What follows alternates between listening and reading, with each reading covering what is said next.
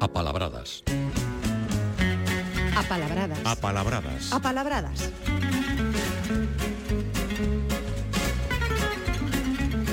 Damoslle a benvida un sábado máis ao noso colaborador Paulino Novo. Moi bos días, benvido. Bos días, igualmente. Hoxe, Paulino, vas empezar por dúas palabras que temos para o significado de facer dano. Temos, por un lado, maguar e temos tamén mancar. E vasnos dicir que lastimar non é palabra do galego, aínda que usamos moito lástima. En calquera caso, como sempre, pois facemos o que nos interesa, que é coñecer algo máis das dúas palabras e as de hoxe creo que, que nos traen bastantes curiosidades. Sí, incluso das tres, imos falar de lastimar tamén. sí, sí, como dicías ti, lastimar non o usamos, non se usa en galego, pero lasti, lastima sí que está metida en lengua, pero bueno, unha e outra en principio non son palabras eh, non son palabras do galego, non están recoñecidas no dicionario da Academia. Eh, imos dar unha voltiña de todas maneiras, aínda que non é palabra do galego. Eh, porque porque si sí, lastimar estaba no galego medieval, sí que a palabra do galego medieval e usábase co significado de ferir e tamén co de aflixir. E hai lastimar en castelán e hai lastimar tamén en portugués. En portugués teñen lastimar e teñen lástima. Incluso en portugués teñen do, dúas, dous significados eh, curiosos. O substantivo lástima aplícase a unha persoa sen creto ou unha persoa que é bastante inútil. A unha cousa, pero tamén a unha persoa. E en portugués lastimeiro eh, aplícase non ao que inspira lástima, sino ao que é aguerrido, ao que é valente, ou ao que fere, causa feridas a alguén, ou ofende a alguén, ese é o lastimeiro. O sea, lastimar e lástima no castelán e no portugués. En galego, en galego non. É unha palabra que probablemente veña de unha, de unha do latín que coñecemos e que nos vai resultar familiar, blasfemare, eh? a través dunha evolución caprichosa que ten a súa explicación. Blasfemare, que dicir blasfemias, eh, que é unha palabra que o latín toma do grego, onde xa tiña o significado de dicir palabras feas ou tamén falar mal de alguén. E dese falar mal de alguén, pois pasou para chegar a lastimar, por ofender a alguén e dai ferir físicamente e despois causar pena ou, ca ou causar compaixón. Pero en principio, lastimar non é a palabra do galego. Si é magoar, magoar é a magua, non? E magoar é causar dor física, tamén é desgustar ou inspirar eh, compaixón. É palabra do galego e é palabra do portugués pero non había esta palabra no galego medieval, eh? así como había lastimar, non había magoar. En castelán non teñen magoar, claro, xa non soa a palabra que non soa galego. Pero as correspondentes en castelán da mesma orixe, da mesma orixe serían magullar, que a causar dano no corpo sen, sen ferir, e mancillar, que manchar a honra. Serían as palabras do castelán relacionadas con este, con este noso magoar. Por exemplo, cando metes o, un dedo que queda así entre na porta, sería magullar, eh, Exactamente, ¿no? sin, feri sen mm. ferida, mm. pero con dano. Eh? Uh -huh. eso, Molesta, sí, iso en castelán, sí. sí. Este magoar como estas palabras que estuvemos dicindo, veñen do latín maculare, que tamén nos soa. Pois soa nos non maculare, pero soa nos mácula, non? E maculare en latín era manchar, manchar ou marcar, concretamente marcar a pel con manchas. E, eh, de feito, eh, de maculare ven tamén manchar. Eh? Uh -huh. E, como dicía, maculare non o soa, que é moi latín, pero sí que o cultismo mácula sí que non soa, e o empregamos, sobre todo, aplícase para pecado na religión, e aplica, aplica na usana tamén moito os oftalmólogos, non? ou a súa ausencia, por exemplo, non ten ningunha mácula, mácula no seu expediente, nun registro oculto, efectivamente. Pois esa mácula ben, ben mancha e ben magua tamén, con distintas evolucións, eh? E, e outra que nos quedaba era mancar, mancar ou mancadura, eh? Mancar que é provocar tamén dano físico. Eh, na lingua medieval mancar era ferir ou mutilar. E con este significado de mutilar, creo que xa estou dando pistas. O significado de facer dano propiamente só ten o galego para mancar. Eh, aínda que en castelán hai mancar tamén. Pouco usado, pero hai mancar. Co significado de lisiar ou inutilizar un membro do corpo. Parecido ao que vía de, de, de mutilar, non? E tamén deixar algo por, fa, de, por facer. E en portugués teñen tamén mancar, pero aplícano só a coxear. Coxear ou carecer, figuradamente, carecer de algo ou estar necesitado de algo. O cal xa estamos adivinhando que este mancar pois ten que ver con manco. Uh -huh. Efectivamente, mancar deriva de manco. E de, o manco que lle falta un, bra, un brazo ou unha, ou unha man, e de aí que lle falta algo, ou de aí que ten dor ou, ou está ferido nes, en principio sería nun brazo ou nunha man e despois en calquera parte do, do, do corpo, non? O manco de Lepanto. Eh, sí, sí, sí, sí, o manco de Lepanto, sí. Había, había dous mancos escritores, un de Lepanto e outro o daqui de, de Arousa. Valle Inclán. Certo. Sí, sí. E bueno, manco é unha palabra que, que vendo que vendo que vendo latín. Eh, unha cousa, no mundo do dereito, no mundo xurídico, eh, hai unha expresión, hai unha figura que é a de dolo, que o que significa esa intención de causar sí, dano. Sí, tamén, tamén, claro, sí, sí, sí, sí. Pois todas estas palabras, as tres que acabamos de ver, as dúas do galego e lastimar que non é nosa, eh, úsanse físicamente para dano físico, pero tamén se usan para eh, dano moral que non sexa necesariamente físico. Eh. Pues seguimos aprendendo, Paulino, mm, a propósito das palabras que hoxe nos traes, acabamos de ver que lastimar é palabra do castelán e do portugués, pero non do galego. E hai máis así. Outra, por exemplo, é fruncir tamén do castelán e do portugués, pero non do galego. Que, que é o que dicimos nós? Eh, temos que dicir pregar. e iso que eu creo que é unha palabra moi metida na lingua, de fruncir, non? Que eh, case a usamos todos.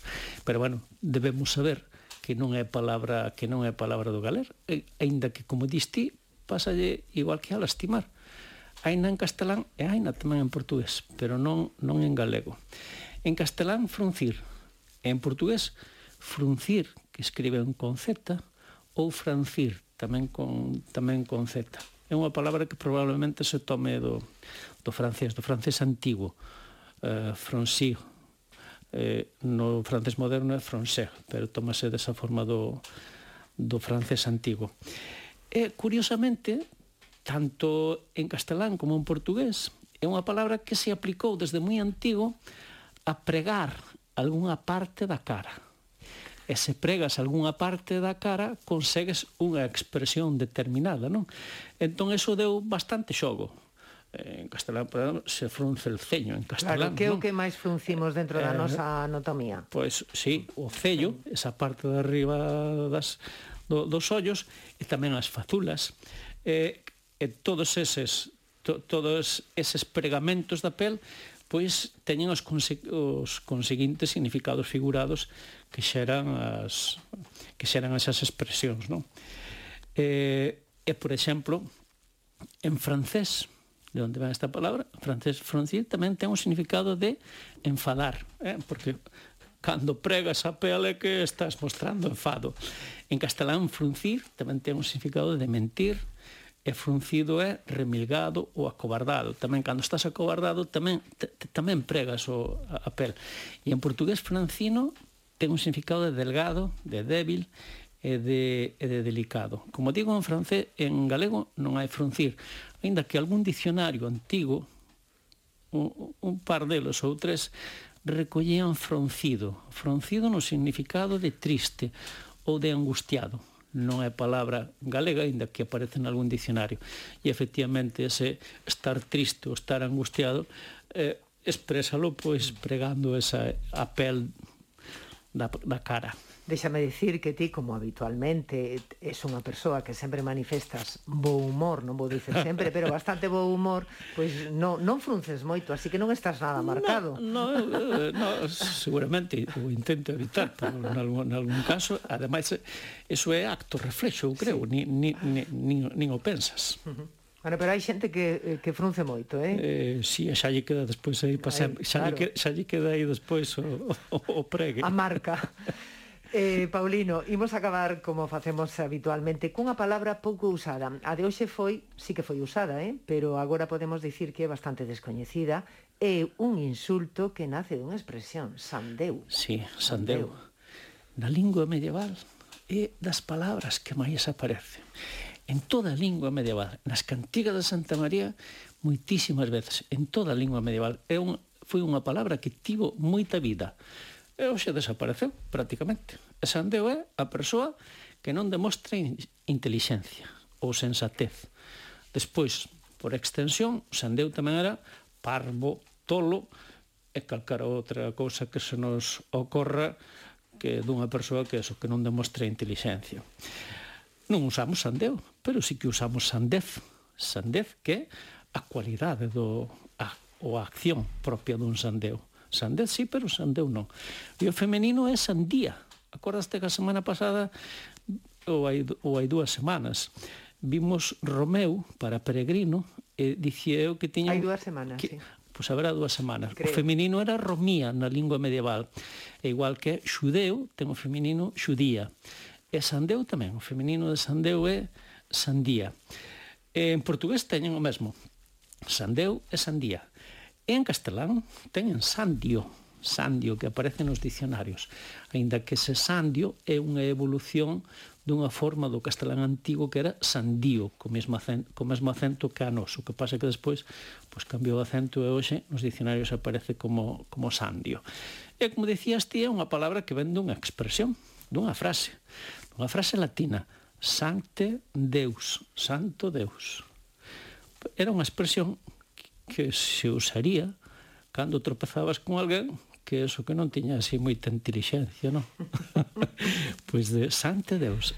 Eh, Agora decimos meu Deus. Sante Deus. Pois tiña apuntado aquí falar da expresión tamén, xa que falamos do santo Deus, do meu Deus, porque aínda que na televisión e na radio e temos que entoar o mea culpa, ou mellor somos moi culpables de, de que se popularizou esa expresión de meu Deus. Eu non fun, eh?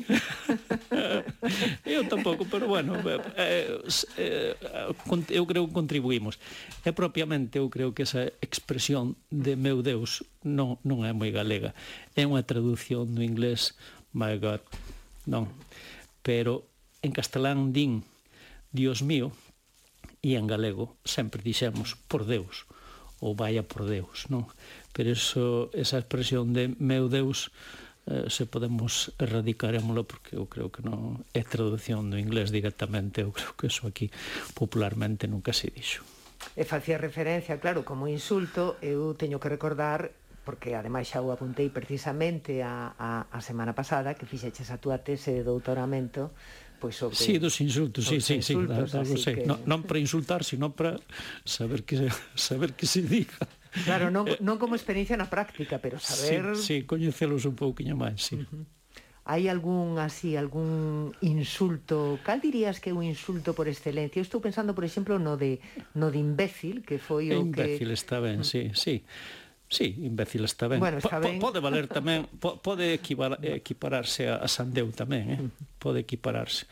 Porque os, in, os insultos teñen un significado concreto de onde nacen, igual que dicía este de Sandeu, que ao principio que non ten inteligencia, pero despois acaban tendo outros significados que teñen outros insultos e incluso acaban, acaban non tendo un significado concreto, sino sendo insulto, que vale para calquera caso e para, cal, para calquera situación. Pois pues nada, o mellor eh, non insultar sempre, hai que contar hasta 10, eh? e hai outras alternativas antes de chegar a un sí, insulto. Eh, si, sí, si sí, insultamos, insultar cariñosamente. Claro, Tamén hai claro. insultos para insultar cariñosamente. Paulino Novo, un placer como sempre, que teñas un fantástico sábado e mellor fin de semana. Igualmente, foi un placer.